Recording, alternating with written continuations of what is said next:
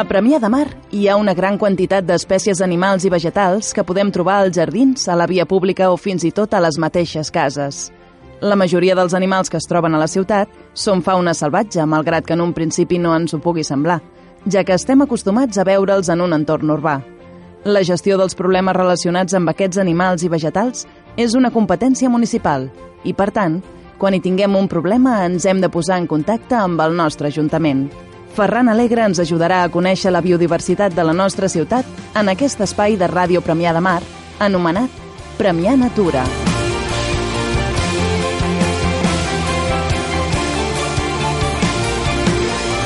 Premià Natura, per conèixer molt millor la nostra biodiversitat.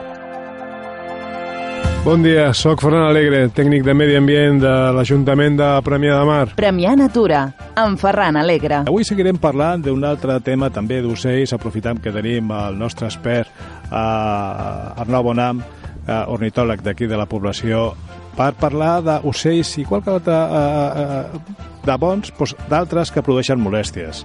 Eh, moltes vegades a l'Ajuntament ens arriba queixes del soroll, de les caques i de l'edificació, per exemple, de les tortoletes, de, dels coloms, de, de gavià per, aquí no ens arriba perquè hi ha molt poquet. Però anem a parlar d'aquests companys que conviuen amb nosaltres, que tenen plomes, però que a molta gent li molesta. Arnau, què opines d'aquesta colla que no és tan benvinguda com les mallarengues, el pit roig o, o, o altres passeriformes? Digues. No, el... actualment a Premià, segurament el, del grup dels coloms, el més abundant és la tòrtora turca.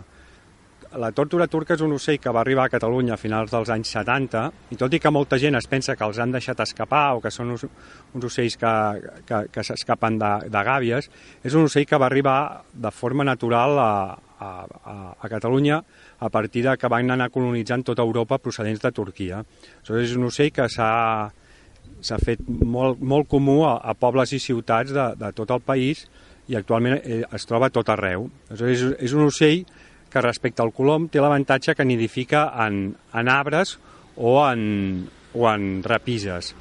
Això fa que pugui nidificar en molts més llocs que no pas el colom.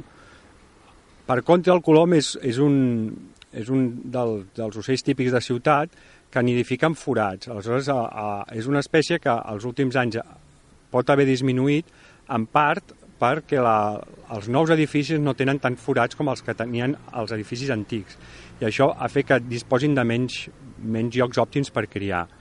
Els dos ocells s'alimenten, són ocells granívors que s'alimenten, tenen una alimentació similar i és habitual observar-los els dos junts. I per últim hi ha el tudor, que és, un, que és el colom més gran, que si, veieu, si els veieu pel poble veureu que tenen una taca blanca al coll, i que és un ocell que és forestal i que els últims anys ha, ha invadit s'ha ha invadit la majoria de, de pobles i ciutats de Catalunya. Aleshores, és la tercera espècie de colom que veiem de manera comuna a, a, a Premià i, i, i aquest és un ocell que nidifica en arbres. I aquestes són les tres espècies que hi ha. Però, però vull destacar que cap és una espècie introduïda, sinó que totes són espècies que han arribat a, a, a Premià de forma natural. Uh, Arnau, hem observat moltes vegades dintre de lo que és la, uh, la turca, la, la petitona, uh, mortalitats. És a dir, que entres en un carrer i sempre la trobes un animalet o un altre mort. Què penseu que és això? Bé, segurament està relacionat amb la, amb la, amb l'absència de depredadors naturals i que n'hi ha moltíssim. Aleshores, al final aquests animals segurament s'acaben morint de malalties o de vells perquè no hi ha ningú que, que controli la seva població. Al medi natural, els animals que comencen a estar una mica malalts són ràpidament depredats perquè els depredadors detecten ràpidament quin animal està malalt, vola una mica més a poc a poc i aleshores mai cacen els, els animals més vigorosos sinó els més dèbils. En canvi, aquí al poble, a l'haver al no haver astors o esparvers, que serien dos dels rapinyaires típics que s'alimenten d'ocells, doncs fa que proliferin d'una manera molt alta i que molts s'acabin morint de vells, diguéssim, o de qualsevol malaltia, sí. Sí, des de l'Ajuntament ja van fer, fa qüestió de mig any, van encarregar un estudi a través de companys eh, vostres, d'ornitòlegs, de, de que es faci un cens, un cens d'ubicació i de número de, tant de la tòrtola com de la colom. No? I es va considerar que la proporcionalitat per superfície i densitat estava dins d'uns marges correctes. Per això, això ho fem, aquest cens, eh, més o menys anualment, per intentar en aquell moment, detectar aquell moment que considerem que ja és excessiu, la població, i intentar fer consensuar mesures de control, no? sigui per captura, sigui per esterilització, sigui les que els experts en aquell moment ens diguin.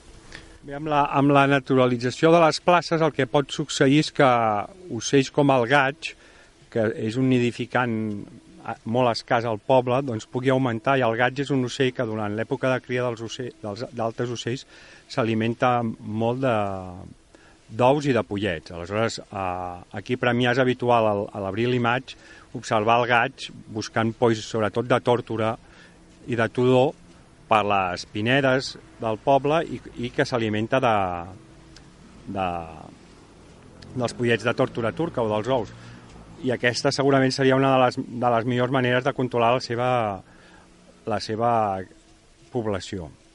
A nivell d'altres animals, com ha passat en altres indrets, eh, que es, no, no, no hi ha realment problemàtica. Per exemple, en altres indrets el problema del gavià argentat eh, és, és un fet, aquí realment la seva incidència crec que és molt petita i, eh, per exemple, els estornells en les seves migracions i concentracions tampoc ens afecta. Què altres problemàtiques d'ocells que hi ha en altres indrets que tu coneixes, veus que aquí, eh, no, per sort, no les tenim i a què creus que és degut? Bueno, el cas dels estornells, jo, fa un parell de setmanes ja, és un ocell que és un, és un reproductor comú a Catalunya, que ara ja, ja, ja han volat els polls. A la zona de les hortes de Ponent ja es poden observar estols d'adults i joves alimentant-se, a les zones amb presència de gra, però que durant el període hivernal, a partir de la tardor, comencen a arribar ocells de, de tota Europa, on és un ocell reproductor però que amb unes poblacions hivernants al nord d'Europa més minces, perquè la majoria baixen cap a, cap a latituds més meridionals. Aleshores, és un ocell que és molt habitual en zones on, on hi ha, per exemple, oliveres, on, on causa grans pèrdues als oliverars perquè pot menjar... Són estols que poden ser de milers d'individus i que poden ràpidament menjar-se moltes olives. I molts cops aquests ocells, que és una cosa que també passa aquí a Premià, el que fan és que s'alimenten en zones agrícoles o herbassars fora dels nuclis urbans i al, al vespre van a dormir en, en petites masses forestals que és on, on passen la nit tots junts. Aleshores, molts cops aquestes concentracions tan grans d'estornells és el que ocasiona problemes, per una banda, de sorolls abans de que es faci fosc i després del nombre dels excrements que fan que poden arribar a embrutar molt als llocs on dormen. Aquesta seria la gran problemàtica dels estornells. El cas del gavià, doncs, bueno, és un ocell que, un ocell marí que, que, que és gran i que molts cops cri, cria enterrats i és un ocell que és força territorial i agressiu. Aleshores es donen casos en què un cop ja tenen els polls o els ous enterrats, els propietaris dels terrats no poden pujar als seus terrats perquè el, els ocells els ataquen. Aleshores bueno, és complicada la, la coexistència de, d'una persona que vol pujar al seu terrat amb, amb un gavià que ja està criant, o sigui, no, són bastant incompatibles. Uh, aquí Premià és un, és un ocell escàs, però sí que hi ha llocs on, on és abundant i, i, i ocasiona mal de caps a, a la gent on els hi cria a casa seva. Molt bé, realment el gavià, com tu molt bé dius, és agressiu i ja hem tingut notícies d'altres indrets per companys també del medi natural de problemes seriosos. La gran explotació del gavià és una mica similar al que parlàvem l'altra vegada de la cotorreta. Són animals molt llestos, molt depredadors, s'adapten a qualsevol situació i és bo, no, no tenen depredadors i és, a, a, és, és molt difícil controlar l'accés o l'excés de població.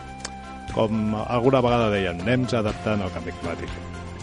Sí, haurem d'anar veient com ho gestionem. Això. Gràcies. Envia les teves consultes a premianatura arroba premiadamar.cat Premià Natura, la nostra biodiversitat a Ràdio Premià de Mar.